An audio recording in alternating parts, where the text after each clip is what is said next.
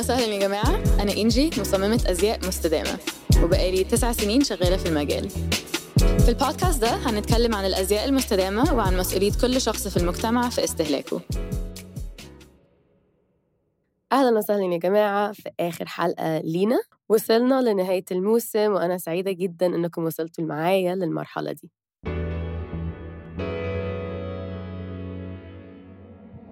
في سؤال يطرح نفسه بعد كل المواضيع اللي إحنا اتكلمنا فيها في الحلقات اللي فاتت.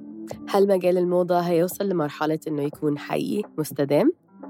السؤال ده دخلني في دوامة بحث عشان أحاول أوصل لرد على السؤال. وإنتوا سامعين معايا مقاطع من البحث آه، على مدى الحلقات لحد دلوقتي. أنا على طول عايزة أعرف لو أنا ممكن أعمل أي حاجة أغير في الموضوع ده. الموضوع صعب ودايما عامل صراع نفسي عندي إني أحب وأشتغل في مجال بيصر على إنه يعمل ضرر في البيئة. الموضة من أقدم المجالات اللي في العالم ولكن المعنى والاحتياج اتغير كتير من ساعة ال industrial revolution وأكتر كمان بعد الستينات لما الموضة السريعة دخلت في المجال.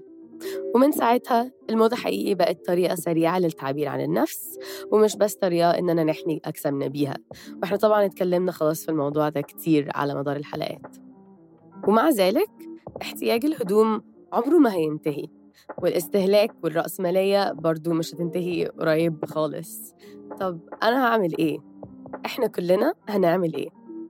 إزاي ممكن أنا كمصممة أعمل أي تغيير؟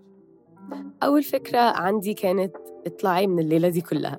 قلت لنفسي إذا أنا وقفت كل صناعتي على الأقل مش هكون بزود من النفايات ولا بشجع الناس على الشراء الزيادة. وبعدين حسيت يعني أكيد مش أنا اللي بصنع يا دوب 100 قطعة اللي هغير من عقلية الناس في استهلاكهم. الناس مش هتبطل تشتري هدوم. فقلت أوكي يمكن الحل إني أحاول أدي للناس منتج مستدام أكتر بدل اللي هم كانوا هيشتروه. وده كمان خلاني أتعمق أكتر في البحث.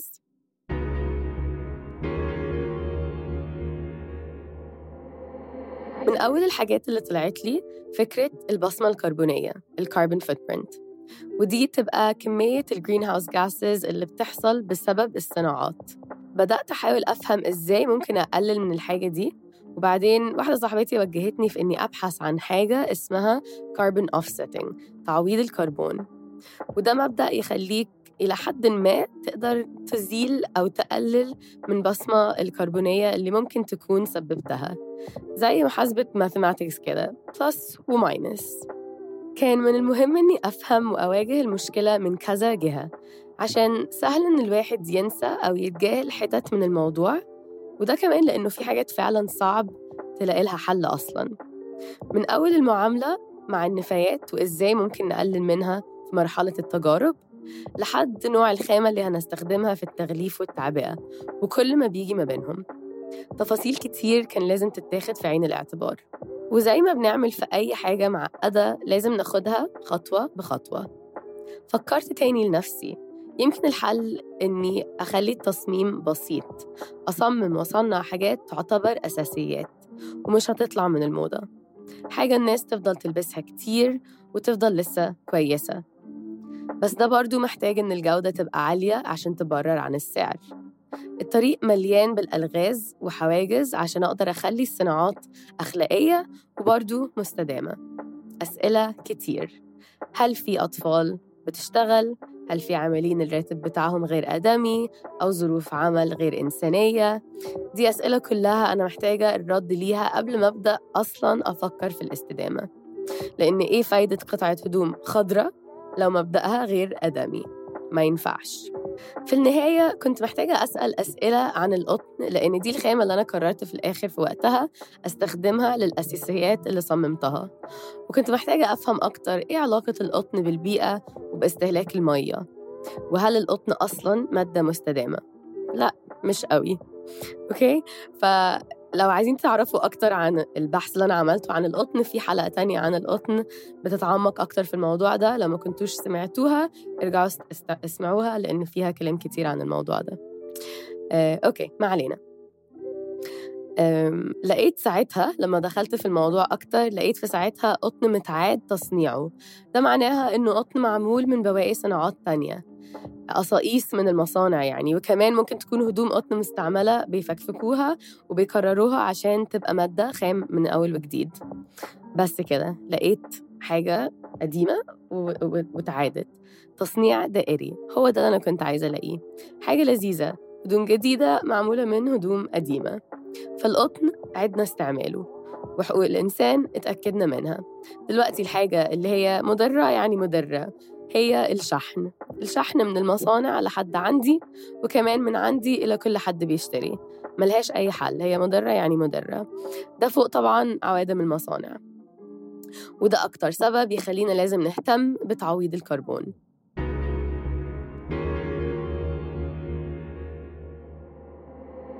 ففي كذا project اشتغلت فيهم السنة دي ودلوقتي أول مرة أقدر أتكلم فيهم. فأول حاجة كانت project عملته مع Nike.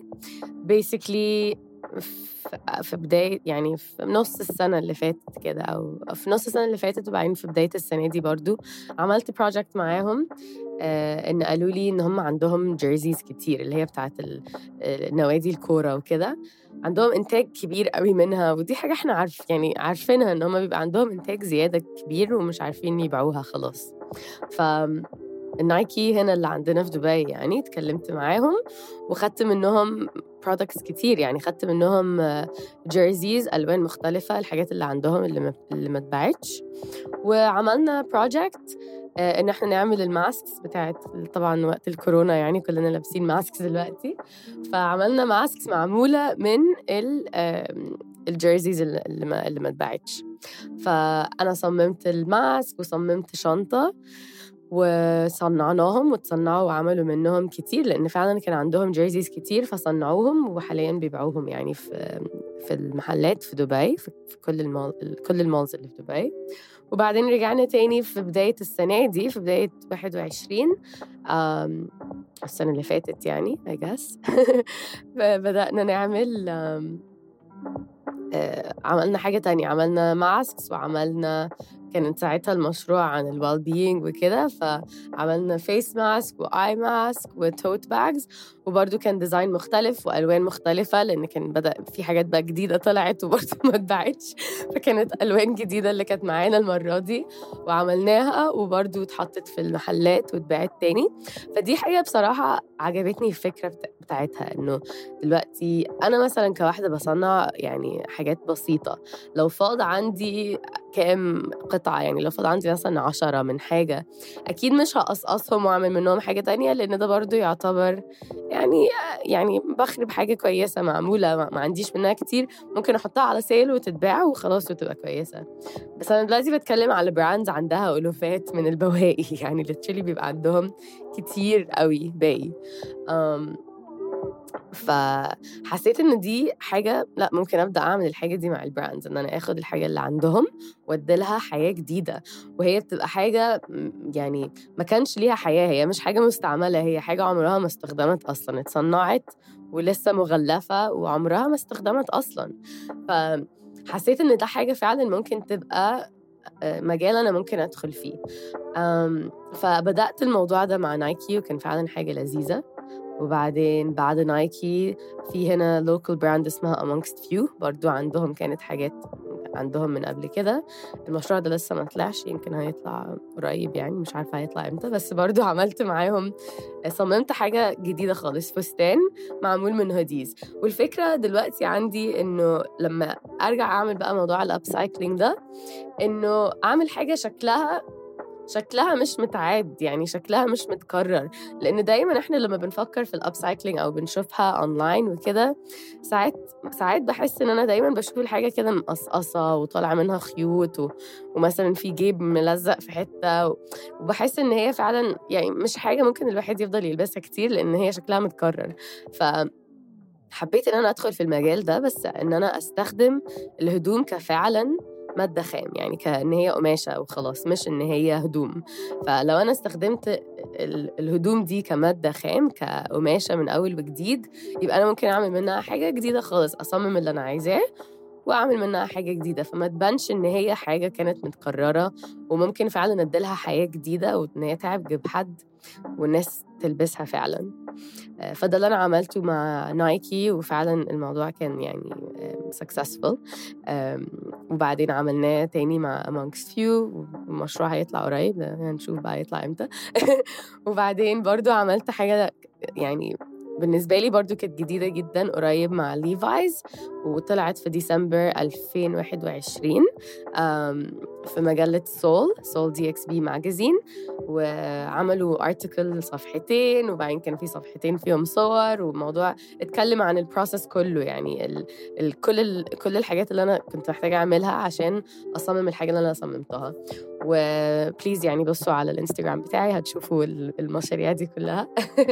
بس المشروع بتاع Levi's بالذات كان حاجة مميزة بالنسبة لي لأن هم قالوا لي روحي ال outlet store وخدي كل الجينز اللي انت عايزة تاخديها عشان تعملي منها واللي انت عايزة تعمليه. ما تدوليش يعني أي guidelines خالص. فدي بالنسبة لي كمصممة حاجة exciting جدا يعني.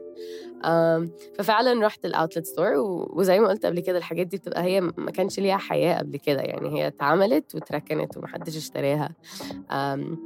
ففعلا بتبقى حاجة يعني very interesting إن أنا أخدها وأديلها بقى حياة جديدة. فأنا كانجي قررت إن أنا آخد الجينز وأعمل منها فستان كبير يعني ball gown تقريبا. هتشوفوه يعني لو بصيتوا على ال magazine أو لو بصيتوا على الانستغرام أو عند Sole DXB برضو آه ممكن تشوفوا الحاجة دي. آه بس عملت فستان آه يعني الفكرة عندي كانت إن هو لما لو بصيتوا عليه ما تحسوش إن هو معمول من حاجة قديمة أو إن هو معمول من قصاقيس حاجة. إنه يتبص عليه الناس تشوفه وتحس okay ده فستان حلو okay؟ وبعدين يفاجئوا إن هو متكرر من من جينز كانت ما اتباعتش. فالفكرة إن إن أنا عايزة أبدأ أوري للناس إن في يعني possibilities أكتر لل upcycling وحاجات إحنا ممكن نعملها غير إن إحنا يعني أنا كان ممكن آخد الجينز دي وأعمل فستان كله معمول من جيوب وسوسات وزراير وكده بس أنا ما كنتش عايزة أعمل كده ما كنتش عايزة أنا أبين حاجة معمولة من حاجة تانية كانت معمولة already أنا كنت عايزة أعمل حاجة تبين إن هي معمولة من قماش خام completely يعني مش مش متكررة. فأظن إن إحنا لو بدأنا نبص على ال upcycling بالطريقة دي بطريقة إن هو ممكن تبقى حاجة جديدة ممكن الموضوع يبدأ يبقى يعني عادي أكتر يبقى حاجة الناس بتعملها يبقى حاجة المصممين بي بيعملوها أكتر. آه، أي نعم هي أصعب وبتاخد وقت أكتر وبتاخد planning آه، أكتر بكتير بس بس الفوائد عندها أكتر يعني لأنه إحنا دلوقتي في كمية هدوم على على الأرض دلوقتي ممكن تكفينا تقريبا لحد يوم القيامة يعني. لأ في كتير بس إحنا محتاجين إن إحنا نفهم إزاي إحنا هنستعمل الحاجة دي. آه فده كذا مشروع دلوقتي أنا عملتهم حسسوني انه okay لأ في أمل إن إحنا ممكن نستخدم الحاجة اللي موجودة ونعمل منها حاجات جديدة.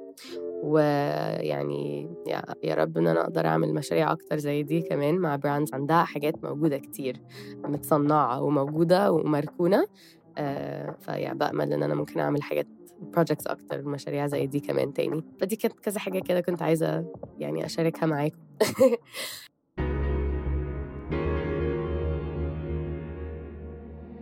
نرجع بقى لفكرة الأبحاث اللي أنا كنت بعملها يعني. فبعد كل الأبحاث اللي أنا عملتها كل الكلام اللي أنا شاركته معاكم في الحلقات اللي فاتت لقيت نفسي حقيقي عايزة أتأسف للبيئة.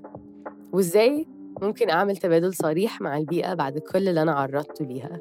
أكتب لها جواب أنا أسفة يا بيئة على كل العوادم اللي أنا طلعتها في الهواء إيه اللي ممكن البيئة تحتاجه مني دلوقتي عشان أشيل أثر الشغل اللي أنا عملته؟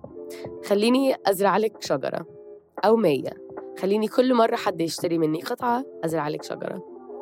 حلقة وصل أساسية في التصنيع ده كله وطريقة نقفل بيها خط الإنتاج ونعمل دايرة إنتاج.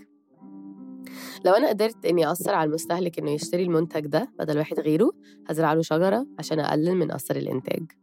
الموضوع كله لما بنتكلم فيه سهل ومنطقي جدا ولكن إني أوصل الرسالة دي للناس كانت أصعب بكتير مما أنا تخيلت. في أنظمة وقوانين في البلد بتمنع إن الواحد يعلن عن الأعمال الخيرية على ال website وكمان على ال platform بتاعة الدفع كان ممنوع أصلا إن أنا أكتب عن الحاجة دي في ال website يا إما كانوا هيمنعوا الدفع تماما. وده معناه إنه كان لازم الموضوع يتنقل بكلام الناس. أول مرة كلام الناس ينفعنا في حاجة. بس حقيقي كان حاجز تاني أحاول أعدي منه ولحد دلوقتي ما أقدرش أقول إن ده كان الحل المثالي. وزي ما قلت في الأول أنا على طول في صراع مع المجال وبحس إزاي أنا ممكن لوحدي أغير من عقلية الناس. ولسه لحد دلوقتي هو ده إحساسي ويمكن يفضل دايما كده.